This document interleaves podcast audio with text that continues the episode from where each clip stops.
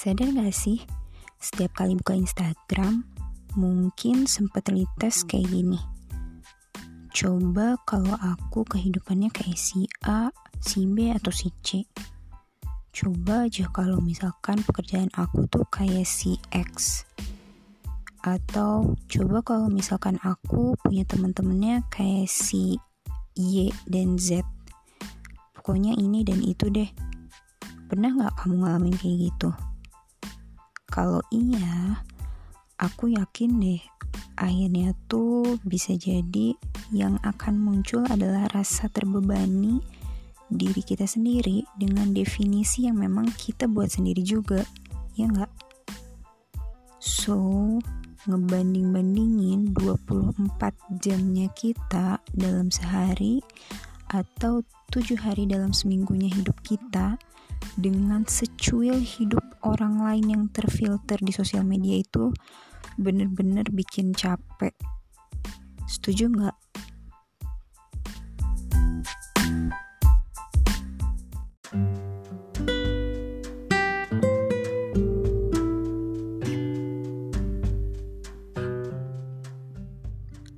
Kalau bandingin sama orang lain, emang gak ada habisnya mending juga bandingin sama diri sendiri. Diri kita yang sekarang dan yang kemarin. Bukan yang gak boleh sih, tapi ada batasnya juga. Karena waktu yang sama bisa jadi keadaan seseorang, perasaan seseorang, pikiran seseorang itu bisa dalam kondisi yang berbeda jadi kita nggak bisa nih sama ratakan semua kondisi dan situasi setiap orang, termasuk apa yang sedang dialami oleh diri kita sendiri. Kita semua ini sama, makhluk hidup yang kita ya bernafas, kita bisa bergerak, kita perlu makan, kita perlu minum, ya kita memang semuanya sama kan.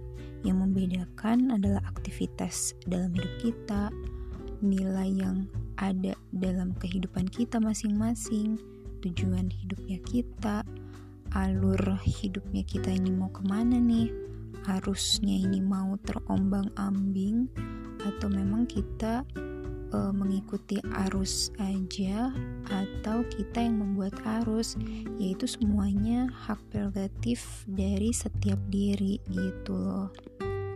So menurut aku sih kayaknya hal-hal yang membuat kita jadi pengen ngebanding-bandingin diri kita sama orang lain itu perlu kita batasi. Itu perlu ada uh, apa ya kita perlu punya remnya di mana ketika kita ngerasa kita udah ngebanding-bandingin nih diri kita sama orang-orang lain. Khususnya yang kita lihat fine-fine aja kita lihat happy-happy aja nih di sosmednya gitu kan. Kita perlu batasi sampai mana kita merasa uh, diri kita memang sudah membanding-bandingkan kehidupan yang kita miliki dengan yang dia miliki. Selama itu bikin kita jadi lebih kuat, bikin kita jadi mau bergerak, bikin kita lebih produktif lagi, itu sih nggak masalah menurut aku. Tapi kalau dengan kita membanding-bandingkan dan efeknya malah negatif, efeknya kita jadi males, jatuhnya kita jadi down, dan uh, kita malah ingin mengucilkan diri kita sendiri, nggak pede, pesimis, pokoknya sifat-sifat yang jelek deh muncul semua Nah, di situ tuh kita harus udah bisa membatasi untuk membanding-bandingkan diri kita dengan orang lain.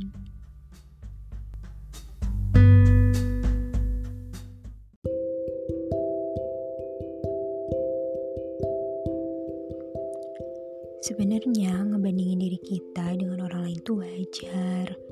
Tapi jangan sampai lupa kalau kita punya potensi yang sama Emang apa aja potensi yang sama?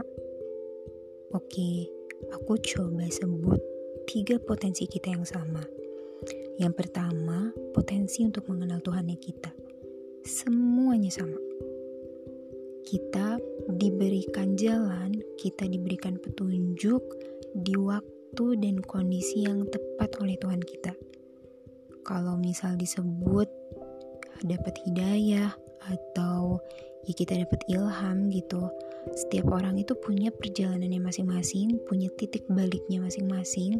Di waktu yang tepat yang Tuhan Maha Tahu, Allah Maha Tahu kapan waktu terbaik bagi seseorang mendapatkan hidayahnya, menjemput hidayahnya. Tuhan Maha Tahu, Allah Maha Tahu kapan seseorang merasa dirinya betul-betul dekat dengan Tuhannya walaupun kita nggak ngomong sama siapa pun kita nggak umbar-umbar di sosmednya kita tapi Tuhan itu maha tahu. Jadi ketika kita sadar bahwa kita punya potensi untuk mengenal Tuhan kita lebih dekat, lebih percaya, lebih yakin, lebih mengimani, maka insya Allah jalan dari Tuhan kita itu akan terbuka begitu lebar, pintu-pintunya itu banyak banget yang membuat kita bisa masuk dari mana pun untuk semakin dekat, semakin kenal, semakin yakin dengan eksistensi Tuhan kita dan kebergantungannya kita terhadap Tuhan kita. Itu yang pertama.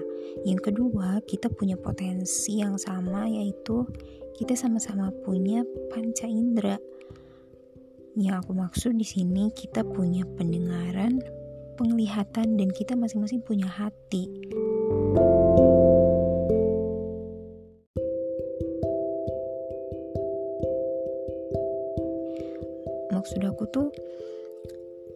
Kalau misalkan lihat seseorang bukan dari tampilan fisiknya ya.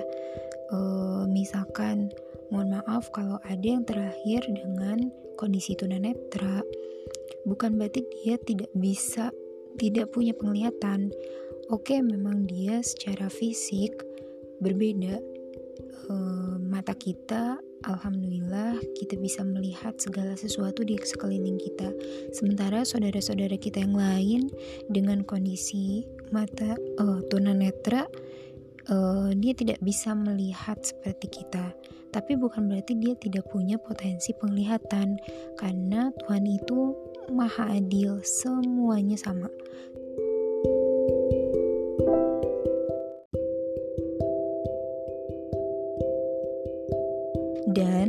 Setiap panca indera ini akan dipertanggungjawabkan. Penglihatan kita, daya melihatnya kita, daya dengarnya kita, hati kita uh, merasakan apa, memikirkan apa, semua itu akan dipertanggungjawabkan nantinya.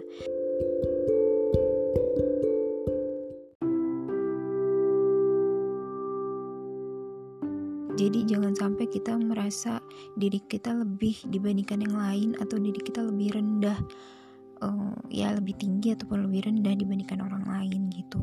Dan yang ketiga, potensi yang sama ini adalah kita punya potensi untuk berada di uh, circle-nya teman-teman yang soleh dan solehah.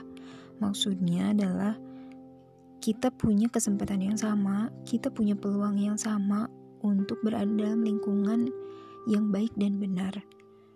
Karena kalau baik aja belum tentu benar. kalau benar, insya Allah dia, uh, ya lingkungan ini berarti orang-orang yang baik. Karena ketika ada lingkungan atau circle kita yang baik dan benar, tadi kalau aku sebut teman-teman yang soleh dan soleha, maka insya Allah di sini kita membangun karakter kita, kita membangun mentalnya kita, kita membangun mindsetnya kita layaknya seperti seorang muslim dan muslimah. Karena kita nggak bisa nih, kita ingin uh, kita pengen jadi ahli surga, kita pengen meninggal dalam kondisi kita sedang beribadah, kita pengen meninggal dalam kondisi yang baik, kita pengen mendapatkan nikmat kubur, kita pokoknya ingin hidup kita itu setelah beres di dunia ini menuju akhirat nanti, kita pengennya yang baik-baik aja, happy ending lah pengennya. Tapi itu nggak akan bisa terwujud kalau kita nggak punya circle tadi teman-teman yang soleh dan soleha yang membuat kita memang berada di jalan yang tepat untuk memperoleh apa yang kita inginkan tadi sampai ke akhirat nanti gitu.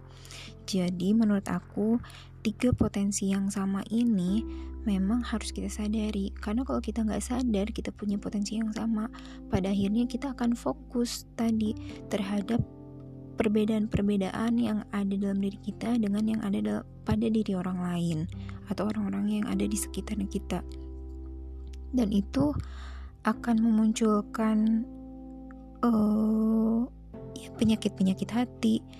Dan kita akan semakin terbebani dengan tadi definisi-definisi yang sudah kita buat sendiri ya enggak?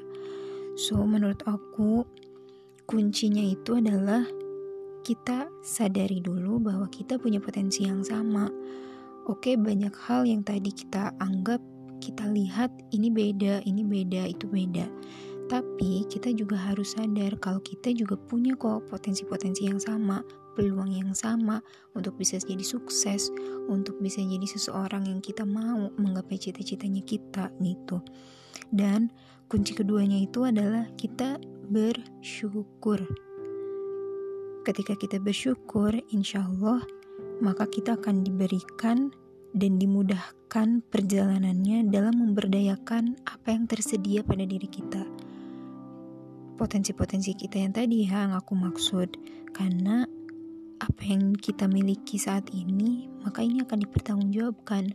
Kalau kita fokusnya pada membandingkan diri kita dengan orang lain yang ada kita jadi capek sendiri.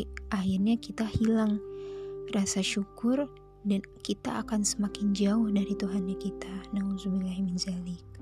Mudah-mudahan kita bukan termasuk golongan orang-orang yang tidak senantiasa bersyukur dan semoga membandingkan diri kita dengan orang lain itu pun yang membuat diri kita menjadi lebih produktif, menjadi lebih optimis bahwa kita bisa sukses di dunia dan akhirat.